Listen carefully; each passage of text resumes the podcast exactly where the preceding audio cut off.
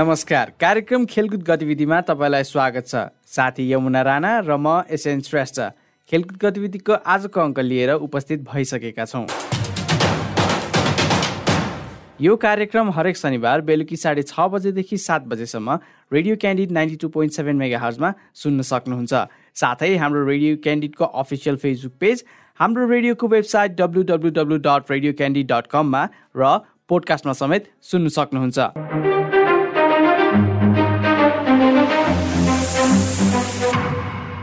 कार्यक्रम खेलकुद गतिविधिमा हप्ताभरि भएको खेलकुदको राष्ट्रिय तथा अन्तर्राष्ट्रिय समाचार खेलकुदमा समर्पित व्यक्तित्वको जीवनी खेलको विश्लेषण र समसामयिक विषयमा छलफल गर्नेछौँ।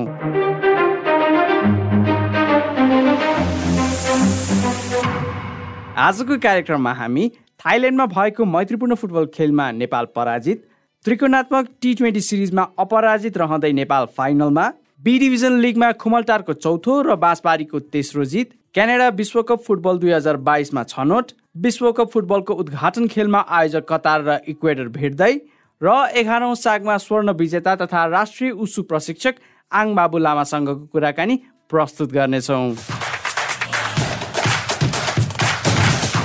अब पालो साप्ताहिक समाचारको साप्ताहिक समाचार लिएर आउँदै हुनुहुन्छ साथी यमुना राणा।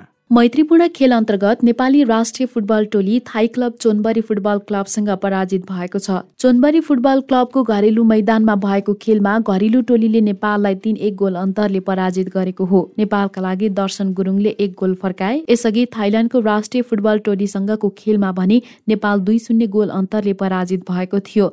नेपालले एएफसी एसियन कप छनौटको तेस्रो चरणको अभ्यास स्वरूप थाइल्याण्डमा मैत्रीपूर्ण खेल खेलेको हो। नेपाल कुवेत इन्डोनेसिया र जोर्डनसँग समूह एमा रहेको छ त्रिकोणात्मक टी ट्वेन्टी सिरिजमा नेपाल अभिजित रहँदै फाइनलमा पुगेको छ। काठमाडौँको कृतिपुर स्थित त्रिवी अन्तर्राष्ट्रिय क्रिकेट मैदानमा आज भएको खेलमा नेपालले मलेसियालाई पचासी रनले पराजित गरेको हो। दुई सय चौबिस रनको लक्ष्यमा जवाफी ब्याटिङ गरेको मलेसिया उन्नाइस ओभर पाँच बलमा समेटियो। मलेसियालाई सस्तेमै समेट्न नेपालका सन्दीप लामिछानेले तीन र कमल एरी तथा दिपेन्द्र सिंह एरीले दुई दुई विकेट लिए। पहिले ब्याटिङ गरेको नेपालले निर्धारित ओभरमा पाँच विकेट गुमाएर दुई सय तेइस रन बनाएको थियो। नेपालका लागि दिपेन्द्र सिंह ऐरीले नट आउट एक सय दस रन र रोहित पौडेलले एकाउन्न रन बनाए। शहीद स्मारक बी डिभिजन लिगमा खुमलटार युथ क्लबले चौथो र बाँसबारी युथ क्लबले तेस्रो जित निकाल्दा तुसल युथ क्लब र श्री भगवती क्लबले अङ्क बाँडेका छन्। ललितपुरको सातो बाटो स्थित इन्फा कम्प्लेक्समा गत सोमबार बिहान भएको खेलमा कुमलटारले वीरगञ्ज युनाइटेडलाई दुई एक गोल अन्तरले पराजित गरेको हो। अर्को खेलमा बाँसबारीले नवबस्ती युथ क्लबलाई तीन एक गोल अन्तरले पराजित गर्यो। बाँसबारीको लागि बिक्की राई सुलेमान थापा मगर र सञ्जय धिमालले एक एक गोल गरे भने नयाँ बस्तीको लागि सोम थापाले एक गोल फर्काए।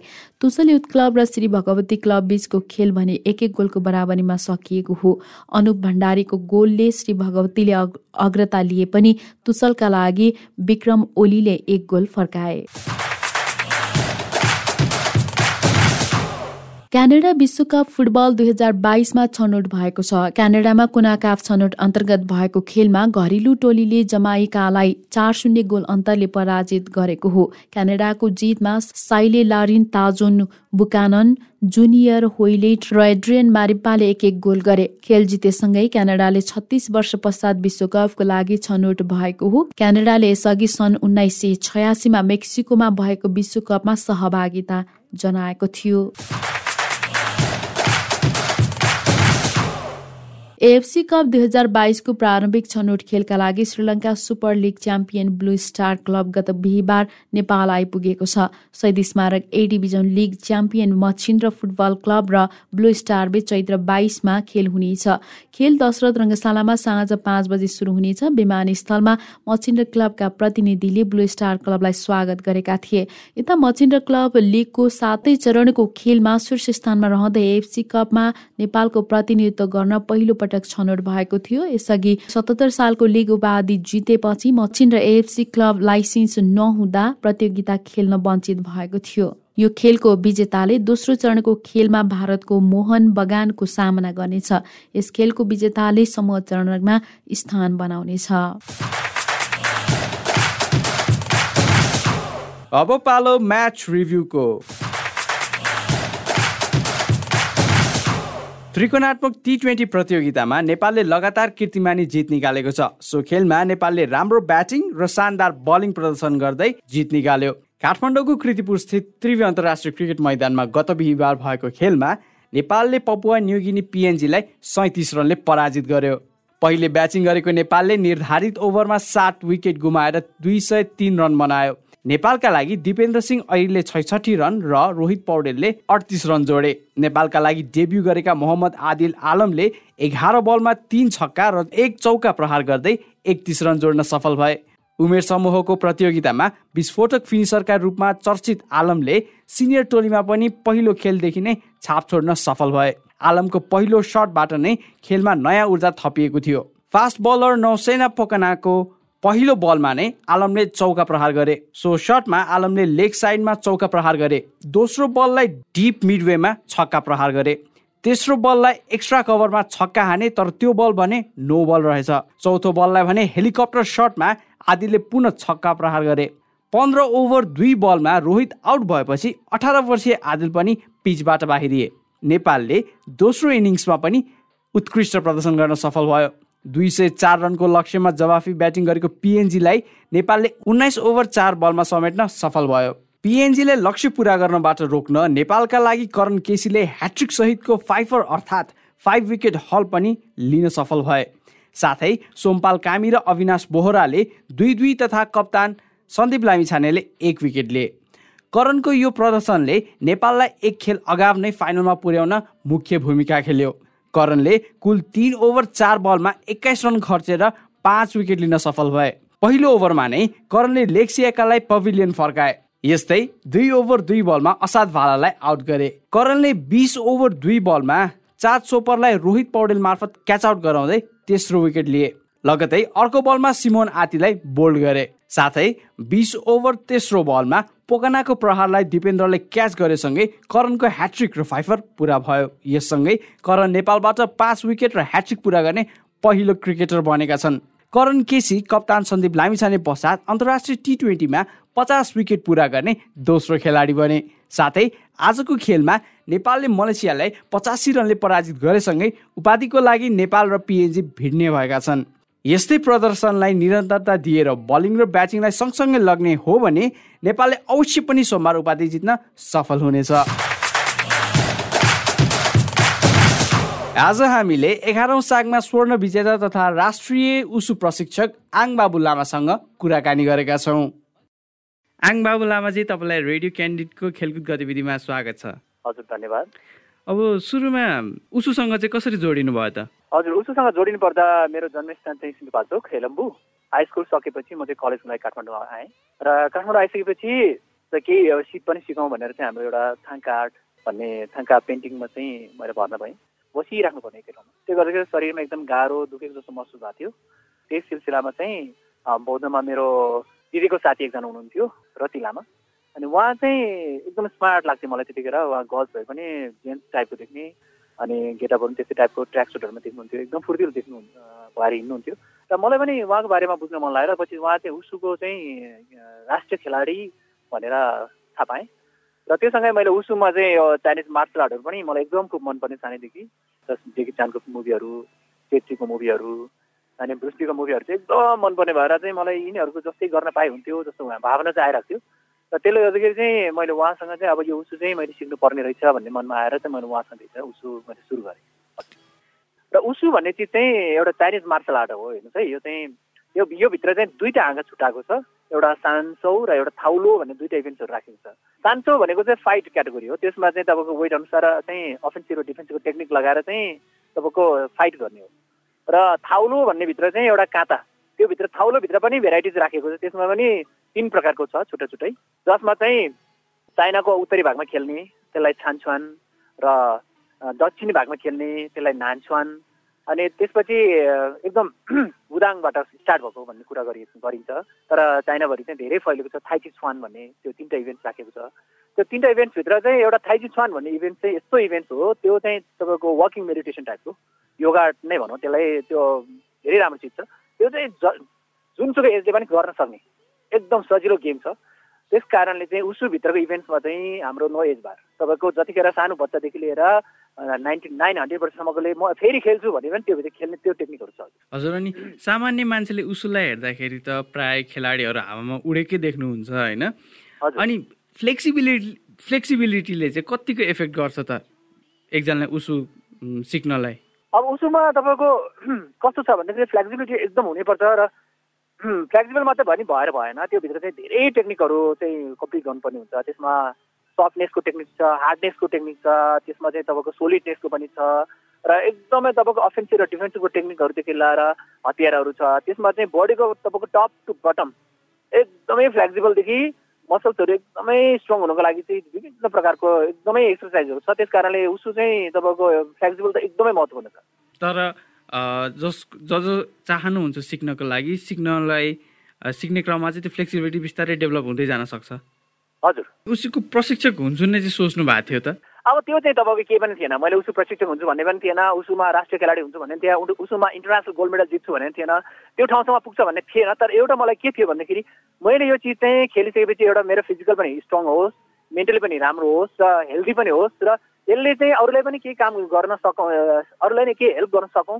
भन्नेमा मात्रै थियो तपाईँको त्यो गर्दै जाँदाखेरि चाहिँ त्यो लेभलमा पुगेको। तपाईँले स्टार्ट गर्ने बेला उसुको नेपालमा कस्तो स्थिति चाहिँ कस्तो थियो त? मैले सुरु गर्ने बेलामा मैले उसुमा चाहिँ पहिले हामी ब्ल्याक कालो ड्रेस मात्रै लाउने गरिन्थ्यो तर पछि चाहिँ उसुको एकचोटि international games south Asian games भएको बेलामा चाहिँ भलिन्टियर गर्न आएको थियो। त्यतिखेर चाहिँ उसुमा डेभलप भइसकेको थियो तपाईँको राम्रो भइसकेको थियो। उसुमा एसियन मेडलहरू पनि टच गर्नुभएको थियो। उसुको इभेन्टमा चाहिँ मलाई यति खुसी लागेको थियो मैले रङ्गशाला कबड हलभित्र पुग्दाखेरि चाहिँ उसुमा भेराइटिज तपाईँको अब फाइटको आफ्नै क्याटेगोरी छ। अब थाउलोभित्र चाहिँ ड्रेसहरू डिफ्रेन्ट टाइपको छ तपाईँको कलर चोइसको सिल्कको एकदम ड्रागन चाहिँ इम्ब्रोइडर गरेको ड्रेसहरू हुन्छ त्योसँगै फेरि हतियारहरू छ तपाईँको तरबारहरू छ लट्ठी छ भाला छ होइन? तपाईँको मजाले त्यहाँ घुमाएको डेमोन्स्ट्रेट गर्दै वा यो रहेछ जिन्दगीमा खेल्नुपर्ने गेम चाहिँ भन्ने मलाई लागेको थियो। घर परिवारमा खेलमा जीवन समर्पण गर्छु भन्दाखेरि प्रतिक्रिया चाहिँ कस्तो पाउनु भएको थियो त? घर परिवारको चाहिँ प्रतिक्रिया के थियो भन्दाखेरि खेलकुदमा चाहिँ लागेर तिमीले हुन्न भन्नेमा थियो किनभने मेरो बुवा आमाहरूले अब त्यो खेलप्रति त्यति जानकारी थिएन उहाँहरूलाई उहाँहरूले चाहिँ जस्ट खेलेपछि पनि एउटा केही हुन्छ भन्ने उहाँहरूलाई थाहा थिएन। त्यस कारणले उहाँहरूले चाहिँ बाबु यो तिमी अब तिम्रो यो खेल्ने उमेर होइन खेल्ने उमेर गइसके अब हाम्रो नेपाली सोसाइटीमा त्यही भन्छ खेलकुदलाई। अनि यो खेलेर चाहिँ काम छैन। अब तिमी बिजनेसमा गर आफ्नो पढाइ गर केही काम गर भन्नुहुन्थ्यो। तर पनि मैले के मलाई के लाग्थ्यो भन्दाखेरि त्यो खेल्दै गइसकेपछि त्यो भित्रको अनुभव पाएँ। त्यो भित्रको गुरुहरूसँग मैले सङ्गत गर्न मौका पाएँ। त्यो खेलबाट के पाउँदो रहेछ भन्ने कुरा थाहा पाउन थाहा पाएँ। र मैले के गर्न सक्छु भन्ने कुरा थाहा पाएँ। त्यस कारणले सपोर्ट घरको फ्यामिलीको सपोर्ट भनेको मात्रै गर्दै नगर भन्ने थिएन मेरो हातमा हातैमा थियो र उहाँहरूले चाहिँ जो मन परेको र नपरेको भन्दाखेरि नै उहाँहरूले अब खेलको बारेमा जानकारी नभएकोले चाहिँ उहाँहरूले खेलकुदमा चाहिँ नलाग है भनेर चाहिँ उहाँले भन्नुहुन्थ्यो। ए अनि जब अब अहिले जबलाई उसुको प्रशिक्षक भनेर देख्दाखेरि चाहिँ उहाँहरूलाई कस्तो फिल हुन्छ त? त्यो त्यो चाहिँ मलाई के थियो भन्दाखेरि जब मैले नेसनल गेमहरू जित्दाखेरि त त्यतिखेर नेसनल गेमहरू जितेँ अनि पत्रिकाहरूमा फोटो आएको थियो यताउति हुन्थ्यो बुवा आमाहरू खुसी हुन्थ्यो तर उहाँहरूले चाहिँ के छ भन्दाखेरि अब यसको ट्युसन चाहिँ अब मेन कुरा त अब पैसा कति कति कमाइस् तैँले के के गरिस् भन्ने कुरा हुन्थ्यो त्यो चाहिँ कमाउनु सकेको थिएन नाम चाहिँ कमाइरहेको थियो। त्यसमा चाहिँ उहाँहरू ठिकै खुसी थियो। तर जब मैले साउथ एसियन गेम जितेर चाहिँ खेल्न जान्छु भनेर मैले आमासँग कुराहरू दिएँ आमाले चाहिँ बाबु जहाँ गए पनि राम्रोसँग इमान्दारिता भएर राम्रोसँग आफ्नो पर्फर्मेन्स देखा भनेर आमाले भन्नुभएको थियो। इभन खेलको बारेमा केही नबुझ्यो भने आमाले त्यति मलाई आशीर्वाद दिनुभएको थियो। त्यसले चाहिँ मलाई एकदमै टच भएर उहाँको आशीर्वाद लाग्यो पनि। र जब साउथ एसियन गेमबाट जितिसकेपछि चाहिँ त्यो चर्चा परिचर्चा भयो। टु थाउजन्ड टेनमा जिताएको थिएँ मैले इलेभेन साउथ एसियन गेम अनि त्यसमा चाहिँ तपाईँको उसोको उसो होइन साउथ एसियन गेमको मेडलकै खडेरी भइरहेको थियो। त्यतिखेर जित्दाखेरि चाहिँ निकै नै तपाईँको व्यापक रूपमा प्रचार प्रसार भइयो। यता धेरै थाहा पायो सबैतिर फैलियो पत्रिकामा आयो रेडियो समाचार टिभी सबैतिर आउँदाखेरि चाहिँ। त्यो बेला चाहिँ बुवामा एकदमै खुसी हुनुभएको तेह्रौँ सागमा पनि हाम्रो खेलाडीहरूले पाँचवटा गोल्ड मेडल उसुबाटै ल्याउनु भएको थिए तर अहिले कता कता हेर्दाखेरि उसुको अवस्था चाहिँ त्यति राम्रो नभएको पूर्वाधारमा पनि देखिएको सुनिरहेको छ। अहिले सिचुएसन चाहिँ कस्तो भइरहेको छ उसुको? अब यस्तो छ हजुर। उसुको एकदम राम्रो खेल हो खेल हो खेल हो। उसुलाई तपाईँको चाइनाले सपोर्ट नगरे पनि होइन चाइनिज गेमहरू सपोर्ट गरे पनि छ। उसुमा एकदमै लागि परेको खेलाडीहरू पनि तगडा छन्। अब तपाईँको टेक्निकली कुराहरू अब केही कमजोरीहरू छन्। त्यो अब अलिकति त्यो चाहिँ अलिकति हामीलाई दुःख लाग्दो कुरा हो। जस्तै एउटा तपाईँको गाडी एकदम राम्रो छ तर चलाउने ड्राइभर अलिकति कन्डिसन हामीले अलिकति पाइरा नपाएको जस्तो फिल हुन्छ। त्यस कारणले गर्दा उसु चाहिँ धेरै राम्रो तर उसुलाई चलाउने जुन अब संस्थामा हुनुहुन्छ अहिले उसु सङ्घ महासङ्घमा हुनुहुन्छ उहाँहरूले अलिकति उसुको खेललाई अलिकति जोड दिनुपर्ने अवस्था आएको छ। किनभने तेकन्दोको करातेको चाहिँ हलहरू भइसकेको छ बिल्डिङहरू बनाइसकेको छ हाम्रो उसुको चाहिँ अलिकति नाजुक स्थिति छ तपाईँको। नेसनल लेभलमा नेसनल पुग्ने खेलाडीहरूले पनि अलिकति तपाईँको सामान राख्ने ठाउँदेखि लिएर आफ्नो उसुलाई राख्ने ठाउँ छैन। अहिले चाहिँ रङ्गशालाको मिनी कभर हलमा चाहिँ ट्रेनिङ भइरहेको छ। त्यो पनि अब त्यो बास्केटबलको ठाउँ हो त्यो। तैपनि अब अलि अहिले चाहिँ हाम्रो चाहिँ त्यहाँ सामानहरू त्यहाँ राखेर गरिरहेको छ। तर पानी पर्दाखेरि त्यो भिजिने पानी पर्दाखेरि बिग्रिने हुन्छ। त्यसमा चेन्जिङ रुमहरू छैन। अलिकति समस्या छ। भनेको हामीसँग राम्रो प्लेयर्स हुनुहुन्छ हामीसँग राम्रो गुरु हुनुहुन्छ। तर भौतिक पूर्वाधारको रूपमा चाहिँ उसले अझै पनि पाउनु पर्ने सपोर्ट चाहिँ पाइसकेका छैन। छैन हजुर। सायद पाउँछ होला। त्यो अहिले चाहिँ त्यति पाइ पाइसकेको छैन। पायो भने तपाईँको उसोमा धेरै नै राम्रो हुन्छ। तपाईँले स्टार्ट गर्दाखेरि र अहिलेको यङ जेनेरेसनको उसु प्लेयर्सहरूलाई हेर्दाखेरि चाहिँ के फरक पाउनुहुन्छ त? अब हेर्नुहोस् यो चाहिँ टाइम अनुसार तपाईँको गेमहरू पनि मोडिफाई हुँदै गएको छ। अब उसुलाई चाहिँ चाइनिज गेममा पनि उनीहरूको भास्ट तपाईँको चेन्जहरू हुँदैछ। त्यहाँ चाहिँ विभिन्न टेक्निकहरू विभिन्न चाहिँ तपाईँको प्याटर्नहरू भयो। हरेक चिज चाहिँ दिन प्रतिदिन तपाईँको भेराइटी चेन्ज हुँदैछ। त्यसमा एकदमै डिफिकल्टी मुभमेन्टहरू थप्दैछ। गा किनभने यो चाहिँ अब भविष्यमा ओलम्पिकको लागि टार्गेट गरिरहेको छ त्यस कारणले गर्दाखेरि हाम्रो बेलामा पनि हाम्रो बेलाभन्दा अगाडि अलिक फरक थियो। हाम्रो बेलामा आएर अलिकति फरक भयो। अहिले आएर झन् राम्रो फरक हुँदैछ। त्यो एउटा चाहिँ विकास क्रममा त्यो हुँदै हुँदै जाने कुरा हो। र खेलाडीहरूमा पनि त्यो त्यो चेन्ज हुँदै आइराखेको छ। त्यो चाहिँ राम्रै कुरा हो। अनि उसुको हाम्रो प्रतियोगिताहरू चाहिँ नेपालमा थोरै मात्र आयोजना हुन्छ भनेको सुनेको थिएँ मैले। यो कतिको ठिक बेठिक हजुर हजुर त्यो पनि छ। किनभने अब हाम्रोमा उसुमा चाहिँ कस्तो छ भन्दाखेरि हाम्रो चाहिँ अब पोलिटिकल्लीदेखि लिएर माथि लिडरसिप गर्नेदेखि लिएर त्यो अलिक कमी कमजोरी अलिकति हाम्रोमा चाहिँ कस्तो छ भन्दाखेरि त्यो अलिकति स्ट्रङ नभएको कारणले पनि होला। हाम्रो गेमहरू चाहिँ एकदम मिनिमम मात्रै कम्पिटिसनहरू हुन्छ। र अब अब अहिलेदेखि चाहिँ अब हामीले चाहिँ कतै गेमहरू गर्नुपर्छ भनेर पहलहरू गरिरहेछौँ। जस्तै अब बिस्तारै हुँदैछ। र इन्टरनेसनल गेमहरू पनि अलिकति अरू गेमको तुलनामा करातेको तेकन्दोको तुलनामा हाम्रो अलिकति कम भइरहेछ हजुर त्यो अलिकति भएकै कुरा हो। त्यो चाहिँ अब अलिकति त्यसलाई बढी बनाउनु पर्ने जोड गर्नुपर्ने छ। हजुर यसले चाहिँ अनि तपाईँको नेसनल खेलाडीहरूलाई चाहिँ कतिको असर परिरहेको छ त? अभियसली त्यो त एकदम असर पर्छ। किनभने गेम धेरै भएन भने त्यहाँबाट खेला खेलाडीले चाहिँ तपाईँको निखार्ने मौका पाउँदैन। कम्पिटिसन भइदियो भने चाहिँ खेलाडी निखार्ने मौका पाउँछ। उसले त्यसको लागि भनेर एकदमै प्र्याक्टिस गर्न पाउँछ। त्यो अलिकति त्यस कारणले पनि हाम्रो अब गेमहरू धेरै नभएको कारणले नै हामीलाई अलिकति गाह्रो छ। भइरहेको अनि फाइनेन्सियली पनि नेसनल प्लेयर्सहरू आफैले पनि इन्भेस्ट नै गरेर प्रतियोगितामा भाग लिनुपर्ने ट्रेनिङमा त्यस्तै गरी तपाईँहरूको स्वर्डहरूमा पनि इन्भेस्ट गर्नुपर्ने भइरहेको सिचुएसन छ भन्ने सुनेको थिएँ। यस्तो छ त्यो चाहिँ कस्तो छ भन्दाखेरि अब एसियन गेम हुन्छ साउथ एसियन गेम हुने बेलामा उपलब्ध गराउँछन् हामीलाई। अनि अब हाम्रो पालोमा चाहिँ मेरो पालोमा तपाईँको हामीले चाइनामा ट्रेनिङ गर्ने मौका पायौँ हामीले सामानहरू पनि चाइनाबाट पाएको थियो त्यतिखेर हामीले हामी आफैले चाहिँ गर्नुपर्ने भनेको अलिकति चाहिँ विभिन्न अब तपाईँको ड्रेसको कुराहरू आउँछ ड्रेसमा तपाईँको अलिकति डिजाइनिङको कुराहरू आउँछ र त्यो सामानहरू अलिकति क्वालिटी सामानहरू हुनुपर्ने हुन्छ। त्यो पर्सनली सामानहरू हुँदाखेरि चाहिँ कहिले कहिले आफैले किन्नुपर्ने हुन्छ। हजुर त्यो त्यो हो। आर्थिक रूपमा सबल नभएको खेलाडीहरूले जेन तेन गरेर जो जोगाएर त्यो इन्भेस्ट गर्दाखेरि चाहिँ अलिकति खल्लोपना महसुस हुँदैन तपाईँलाई? त्यो त एकदमै खल्लोपना महसुस हुन्छ। अब हाम्रो चाहिँ अझै अब नेगेटिभ मात्रै सोचेर त भएन। पोजिटिभ सोध्नुपर्ने। हामीले चाहिँ अब दबाब दिइराखेका छौँ प्रेसर गरिरहेको छौँ अब हाम्रो उसको पनि एउटा राम्रो चाहिँ हल होस् चाहिँ हाम्रो एउटा चाहिँ स्ट्यान्डर्ड होस् यस्तो राम्रो खेल्छ भनेर अनि हामी आफ्नै व्यक्तिगत तर्फबाट चाहिँ कता कता अब क्लासहरू भइरहेछ अब म आफैले पनि कतिसम्म सोसियल कामहरू गरिरहेको छु। अहिले शेर्पा गुम्बामा वृद्ध मिलन केन्द्रमा हप्ताको दुई दिन म फ्रीमा क्लास गराउँछु। आमा बुवाहरूलाई त्यसमा चाहिँ उसुभित्रको एउटा इभेन्ट्स तपाईँको थाइची भन्ने इभेन्ट चाहिँ गराउँछु। जसले चाहिँ शारीरिक र मानसिक एकदम विकास हुने अनि बुढाबुढीहरूको ढाडको प्रब्लमहरू हुनुभएकोले घुँडाको प्रब्लम हुनुभएको उहाँहरूले चाहिँ विभिन्न तपाईँको त्यो थाइजीको टेक्निकहरू छ ब्रिदिङको टेक्निकहरू छ त्यो गरेर गराउँदाखेरि आफूले एकदम खुसी हुन्छ।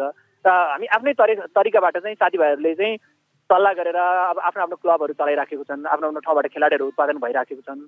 सबैले गर्ने आफ्नो हिसाबमा गरिरहेछन्। अब मभन्दा सिनियर गुरुहरूले पनि गराइराख्नु भएको छ। अब धनगढीतिर पनि राम्रो हुँदैछ।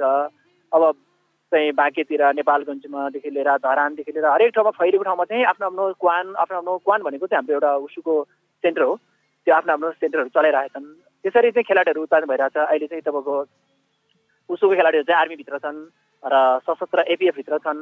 त्यहाँ आफ्नो त्यो उसुको चाहिँ त्यहाँभित्र पनि राम्रो भइरहेछ। हजुर त्यस्तो छ अहिले।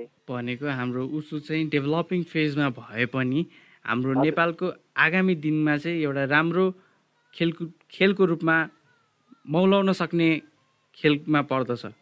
एकदम एकदम। यो त तपाईँको यस्तो दामी खेल हो होइन? उसु अब हुन त सबैले आफ्नो खेललाई राम्रै भन्छन् तर म के भन्छु भनेदेखि उसु चाहिँ यस्तो चिज हो कि हरेक व्यक्तिले उसको शारीरिक बनावट भयो उसको फिजिकलको अब फिटनेसको क्यापासिटी भनौँ अब उसको चाहिँ बडी स्ट्रक्चरको क्यापेसिटी अनुसार भनौँ। उसको हाम्रो हरेकमा हाम्रो चाहिँ तपाईँको शरीरको बडीको स्ट्रक्चर चाहिँ डिफ्रेन्ट टाइपको हुन्छ क्या तपाईँको।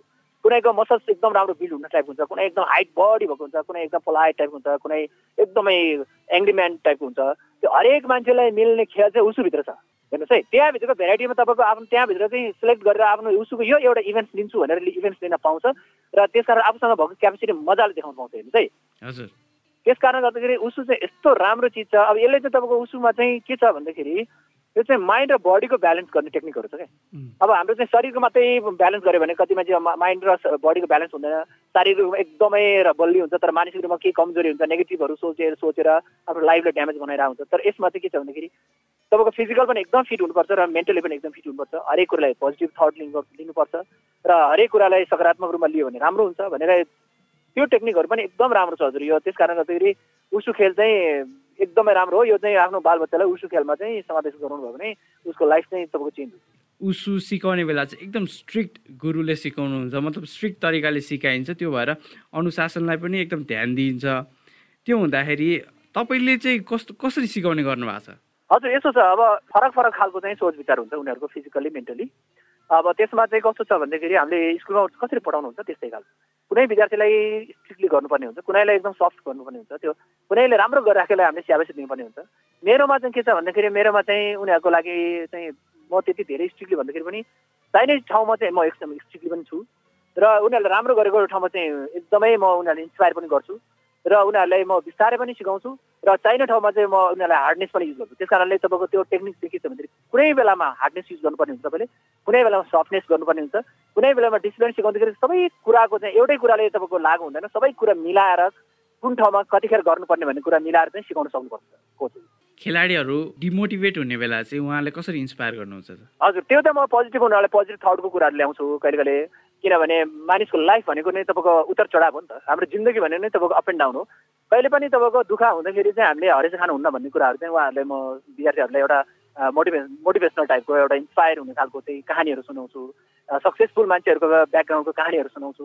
हजुरले जति सक्सेसफुल मान्छेको पछाडि कहानी राम्रोसँग सुन्नुभयो भने कति दुःखको कहानी हुन्छ क्या त्यहाँ। सुखको कहानी चाहिँ मजाले देख्छ बोबाल देख्छ तर दुःखको कहानी हुन्छ। मेरो आफ्नै चाहिँ दुःखको कहानीहरू धेरै छन्। कतिपय कुरा तपाईँले मैले यहाँ भन्न थालेँ भने मेरो त्यहाँ दिनभरि लाग्छ। दुःखको कहानी जुन सक्सेस हुनुभन्दा पछाडिको कति चाहिँ पीको कुराहरू आउँछ म उनीहरूलाई त्यो कुराहरू सुनाउँछु।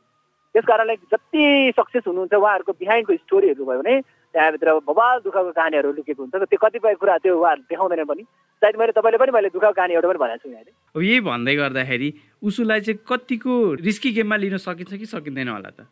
उसोमा यस्तो छ रिस्की भने त हरेक चिजमा रिस्क हुन्छ। हाम्रो लाइफमा बिहानदेखि बेलुकासम्म जहाँ हिँड्ने पनि रिस्कै हो हो कि भन्नुहोस् जतिखेर पनि जे पनि हुन्छ हामी राइडिङ गर्छौँ रिस्क हुन्छ। उसो गेममा पनि रिस्क छ तपाईँको त्यहाँ लट्ठी घुमाउनु पर्ने हुन्छ। कहिले कहिले लट्ठी आफैले घुमा आफै टाउकोमा ठोकेर बेहोस हुने चान्सेस हुन्छ। तरवारले काटिन्छ तरवार घुमाउँदाखेरि मिलेन भने तरवार हातबाट खुस्क्यो भने अरूलाई लाग्न सक्छ। अब फाइटको त्यसमा पनि हुन्छ सेफ्टी छ हाम्रोमा। तपाईँको पुरै चाहिँ एकदमै सेफ्टी रूपमा हामीले चाहिँ फाइटहरूको इभेन्ट्सहरूको लागि पनि सेफ्टी गार्डहरू युज गरेर प्र्याक गर्छौँ। गर्छौँ तर पनि तपाईँको कहिले कहिले चाहिँ इन्जुरी हुने चान्सेस हुन्छ त्यो नहुने होइन तर चाहिँ तरिका मिलाएर खेल्यो भने चाहिँ त्यस्तो केही हुन्न। अब आगामी एसियन गेम्सकै कुरा गरौँ। हाम्रो आगामी एसियन गेम्सको लागि चाहिँ हाम्रो नेसनल टिमको प्रिपरेसन चाहिँ कस्तो चलिरहेछ त? हजुर एसियन गेमको लागि नेसनल टिमले जेन तेन राम्रो गरिराख्नु भएको छ। त्यसमा अब मेरो त्यहाँ हाम्रो गुरुहरू पनि हुनुहुन्छ। म चाहिँ टाइम टाइममा केटा त्यो नेसनल टिमलाई मोटिभेसनल दिनुको लागि त्यहाँ पुग्छु। हामीले अस्ति पल्सर रोडमा हामीले डेमोन्स्ट्रेसन गर्ने बेलामा पनि हाम्रो उसुरी टिमलाई चाहिँ उहाँहरूले चाहिँ इन्भाइट गर्नुभएको थियो। त्यो डेमोन्स्ट्रेटको लागि कोर्डिनेट पनि सबै मैले गरेको थिएँ अनि राम्रो गरेको थियो। तर त्यो आउने बेलामा एसियनको लागि यस्तो गर्नुपर्छ यस्तो हुनुपर्छ भनेर मैले विद्यार्थीहरूले सम्झाउनु गरेको छु। किनभने एसियन गेमको चाहिँ मसँग दुइटा एसियन गेमको एक्सपिरियन्स छ। अब सिक्सटिन एसियन गेम्स ग्वाङजोमा र सेभेन्टिन एसियन गेम इन्चोनको मलाई पुरा अनुभव भएको कारणले गर्दाखेरि चाहिँ एसियन गेम भनेको त्यो लेभलको गेम हो त्यो लेभलमा पुग्नको लागि यो लेभलको चाहिँ प्र्याक्टिस गर्नुपर्छ भनेर विद्यार्थीहरूलाई चाहिँ तपाईँको म सम्झाउनु गरिरहेको छु। र त्यो सँगसँगै कस्तो छ भने म सबैले के भन्न चाहन्छु हाम्रो फिजिकल्ली मात्रै एक्सर्साइज पुग्दैन मेन्टल एक्सर्साइज हुनुपर्छ हेर्नुहोस् है। भिजुलाइजेसन हुनुपर्छ माइन्डमा एकदम माइन्ड मेकअप हुनुपर्छ कहिले कहिले माइन्ड मेकअपको टेक्निक मिलेन भने राम्रो राम्रो खेल्ने खेलाडीहरू पनि हार्न सक्छन्। त्यस कारणले हरेक चिजमा तपाईँको फिजिकल्ली र मेन्टली बराबर लेभलको चाहिँ एक्सर्साइज हुनुपर्छ। जाँदा जाँदै खेलकुद गतिविधिको प्लेटफर्मबाट सम्पूर्ण श्रोतालाई केही भन्न चाहन्छु भने प्लिज भनिदिनुहोस् न। हजुर सम्पूर्ण अब यहाँ सुन्नुभएको श्रोताहरूलाई म के भन्न चाहन्छु भन्दाखेरि उसु खेल एउटा चाइनिजको मार्सल आर्ट खेल हो। यसमा चाहिँ विभिन्न खालको अफेन्स र डिफेन्सको टेक्निकदेखि लिएर राम्रो खेलको तपाईँको ध्यान गर्ने चाहिँ वाकिङ मेडिटेसन थाइची भन्ने चिजहरू पनि छ जो इन्टरनेसनलमा एकदमै आइडब्ल्युएल पनि एकदम इन्टरनेसनलमा चाहिँ चाहिँ काम लाग्ने गरी बनाएको छ। त्यस कारणले आफ्नो बालबच्चालाई तपाईँले हरेक बालबच्चालाई चाहिँ तपाईँले उसुमै भन्नु उसुमै हाल्नु भयो त अझै बेस्ट भयो म उसको फिट भएको कारणले तर पनि कुनै पनि चिज स्पोर्ट्समा राख्नुहोस् स्पोर्ट्समा राख्नुभयो भने चाहिँ उसको चाहिँ फिजिकल एकदम फिट भयो भने मेन्टली अटोमेटिकली फिट हुन्छ। र फिजिकल र मेन्टल दुइटै फिट भयो भने उसले कुलतमा लाग्न पाउँदैनन् ऊ राम्रो बाटोमा लाग्छन् उसले एउटा जिम्मेवार लिन्छ र एउटा देशको आफ्नो नागरिक हुन्छ। त्यस कारण म सबैलाई के भन्न चाहन्छु भन्दाखेरि उसो इभेन्ट चाहिँ अब थाइची भयो एज ठुलो भयो भने थाइची खेल्नुहोस् र आफ्नो बालबच्चाहरूलाई उसुमा राख्नुहोस् उसुमा राख्नुभयो उसको इन्ट्रेस्ट छ भने कुनै स्पोर्ट्समा हालिदिनुहोस्। एनी जुन स्पोर्ट्स भयो भने त्यो भयो भने धेरै नै परिवर्तन आउँछ चेन्ज आउँछ त्यो हन्ड्रेड पर्सेन्ट हुन्छ थ्याङ्क यू हजुर आफ्नो व्यस्त समय पनि हाम्रो कार्यक्रम खेलकुद गतिविधिको लागि समय निकालेर बोलिदिनु भयो त्यसको लागि धेरै धेरै धन्यवाद। हजुरलाई धेरै धेरै धन्यवाद। दुई शब्द बोल्ने मौका दिनुभयो।